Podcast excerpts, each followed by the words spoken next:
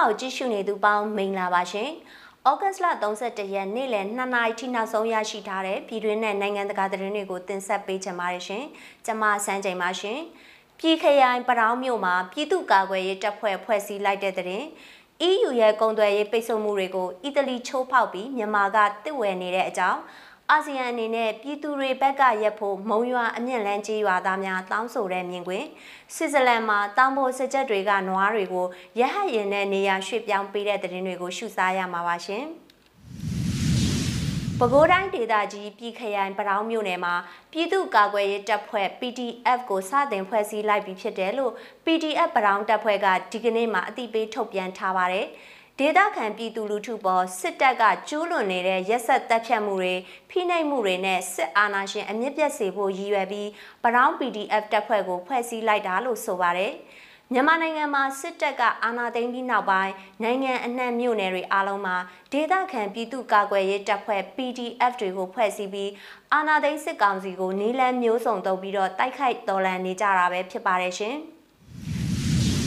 စစ်အာဏာသိမ်းမှုကြောင့်ဥရောပသမဂ္ဂ EU ကမြန်မာပေါ်ကုန်သွယ်မှုစီးမြင့်တွေပိတ်ဆို့တာအရေးယူဒဏ်ခတ်တာတွေလုပ်ထားပါတယ်။ဒါပေမဲ့လည်းအီတလီကုန်သည်တွေကတော့ဒီပိတ်ဆို့မှုတွေကိုဖီဆန်ပြီးမြန်မာနိုင်ငံကကျွန်းသစ်တွေကိုဆက်ပြီးတင်သွင်းနေတဲ့အကြောင်းလန်ဒန်အခြေစိုက်တဘာဝပတ်ဝန်းကျင်စုံစမ်းစစ်ဆေးရေးအေဂျင်စီ EIA ကတွေ့ရှိထားပါတယ်။ ဒီအစီရင်ခံစာမှာတော့ကျွန်းတစ်ထုတ်ကုန်တွေတင်သွင်းနေတဲ့အီတလီတစ်ကုန်နဲ့စုစုပေါင်း28ဦးရှိတယ်လို့ဖော်ပြထားပါတယ်။မြန်မာနိုင်ငံမှာတစ်အပါဝင်တရားမဝင်ကုန်သွယ်မှုတွေကိုဖေဖော်ဝါရီတရက်အာဏာသိမ်းမှုနောက်ပိုင်းဆက်ပြီးခွင့်ပြုထားတယ်လို့ EIA ရဲ့အစီရင်ခံစာကဆိုပါတယ်။ သူတို့ဖွဲ့ကစုံစမ်းတွေ့ရှိထားတဲ့အချက်လက်တွေအရအီတလီကုန်တဲ့တချို့ဟာဒီနှစ်မတ်လဧပြီလနဲ့မေလအတွင်းမြန်မာနိုင်ငံကတစ်ထုတ်ကုန်တွေယူရို1.3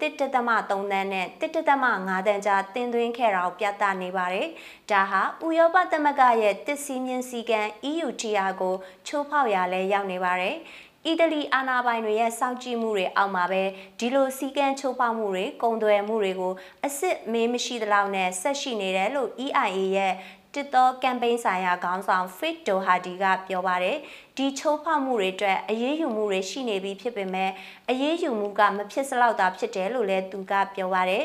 ခုချိန်ထိမဖြစ်စလောက်ဒဏ်ကြေးအ ਨੇ ချင်းလောက်ပဲချထားပါတယ်ကုမ္ပဏီတွေဟာသူတို့ဥပဒေချိုးဖောက်နေတယ်ဆိုတာသိရှိထားခဲ့ပေမဲ့ကုန်သွယ်မှုကိုဆက်လုပ်ထားခဲ့ပါတယ်မြမတစ်နဲ့အကြဥပဒေဆိုင်ရာပြဿနာတွေပေါ်တင်းကျပ်စစ်ဆေးမှုတွေရှိနေပေမဲ့ကုန်သွယ်မှုကတော့ဆက်ပြီးတော့ပဲကြီးထွားထားခဲ့ပါတယ်လို့သူကမှတ်ချက်ပြုပါတယ်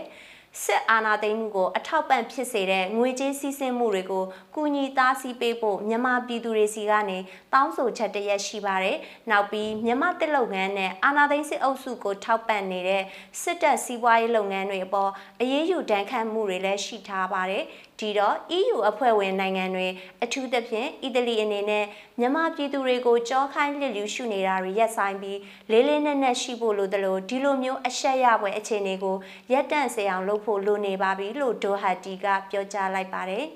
EIA ရဲ့စုံစမ်းချက်အရအီတလီကုမ္ပဏီတချို့ဟာမြန်မာတစ်တွေကိုဥရောပတွင်ကတခြားသောနိုင်ငံတွေကိုတင်ပို့နေတာဖြစ်ပါတယ်။ အာဆီယံအနေနဲ့မြန်မာပြည်သူတွေဘက်ကယက်တီဖို့နဲ့စစ်အာဏာရှင်ဘက်ကမရက်ဖို့ဆိုတဲ့အတိတ်ပဲရတဲ့ ASEAN Stand for Democracy Not for Dictator စာသားတွေကိုကင်ပြီးမနေ့ကဩဂတ်30ရက်မှာမုံရွာအမြင့်လန်းကြီးရွာများစုပေါင်းပင်မတပိတ်ကစစ်အာဏာရှင်ကိုစန့်ကျင်တပိတ်မောက်ခဲ့ကြပါတယ်။ရုပ်တံဖိုင်ကိုရှုစားရအောင်ပါရှင်။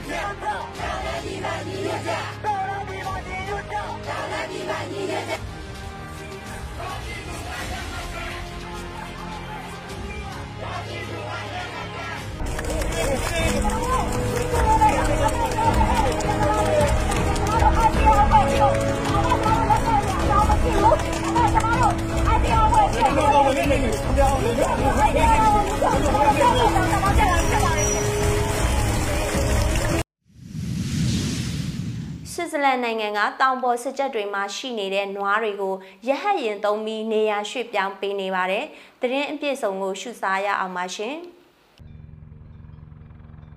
ဆွစ်ဇာလန်ကတောင်ပေါ်စကြက်တွေမှာရှိနေတဲ့နွားတွေကိုရဟတ်ရင်နဲ့နေရာရွှေ့ပြောင်းပြီးဆွစ်ဇာလန်နိုင်ငံကအမြင့်ပိုင်းတောင်ပေါ်မြက်ခင်းပြင်တွေမှာကျက်စားနေခဲ့ကြတဲ့နွားတွေကိုရဟတ်ရင်နဲ့တည်ပြီးတောင်အောက်ပိုင်းတွေကိုရွှေ့ပြောင်းပေးခဲ့တာကထူးခြားတဲ့မြင်ကွင်းတစ်ခုဖြစ်ခဲ့ပါတယ်။ နိုင်ငံအလဲပိုင်းကလော်ဆန်ဘတ်ဒေသမှာစုစုပေါင်း90ကောင်ခန့်ကိုတောင်ကျောတွေကနေရဟတ်ရင်နဲ့တည်ပြီးရွှေ့ပြောင်းပေးခဲ့တာဖြစ်ပါတယ်။ဆိုင်းကျိုးတစ်ခုသုံးပြီးနွားတွေကိုရဟတ်ရင်အောက်ကနေတွဲလောင်းချပြီးတည်ဆောင်ခဲ့ရမှာနွားတွေဟာလေထဲပြန်နေတယ်လို့ဖြစ်ခဲ့တာပါ။အောက်ကဆောင်ဆိုင်နေကြတဲ့တောင်သူတွေကနွားတွေဘေးကင်းစွာအောက်ကိုဆင်းသက်နိုင်စေဖို့အတွက်ကျိုးတွေတုံးကကုညီလှုပ်ဆောင်ခဲ့ကြပြီးအဲ့ဒီနောက်နွားတွေကိုတမက်ရိုးကြနီးဖြစ်တဲ့နောက်တဲရင်တွေနဲ့တဲကရွှေ့ပြောင်းပေးခဲ့ကြပါတယ်။ တစ်ချိန်တည်းမှာတော့ပိုပြီးကြန့်ခိုင်မှုရှိပြီးကျမ်းမာတန်ဆွမ်းတဲ့အခြားနားတွေကိုတော့တောင်နဘေးအတိုင်းခြေလျင်ဆင်းသက်စေခဲ့ပါတယ်ခုလိုမျိုးနွားတွေကိုရဟတ်ရင်နဲ့တည်ယူပို့ဆောင်ရတဲ့အကြောင်းရင်းကတော့တချို့စရက်မြေတွေဆိုရင်ကားနဲ့သွားလို့မရနိုင်တာကတကြောင်ဖြစ်တယ်လို့အခြားကြောင်းတစ်ခုကလည်းနွားတချို့တန်ရာရနေလို့သူတို့ဒီတိုင်းလမ်းဆင့်မလျှောက်နိုင်လို့ဖြစ်ပါတယ်အခုလိုရဟတ်ရင်နဲ့လိုက်စီးရပြီးဘယ်လိုခံစားရလဲဆိုပြီးနွားတွေကိုမမေးလိုက်ရဘူးမေးလဲဖြေမှမဖြေနိုင်တာပဲလေ ဒါပေမဲ့ဒါကတူတောင်းတဲ့အကွာဝေးတစ်ခုပါပဲသူတို့ဆက်ပြီးသွားရမှာလေ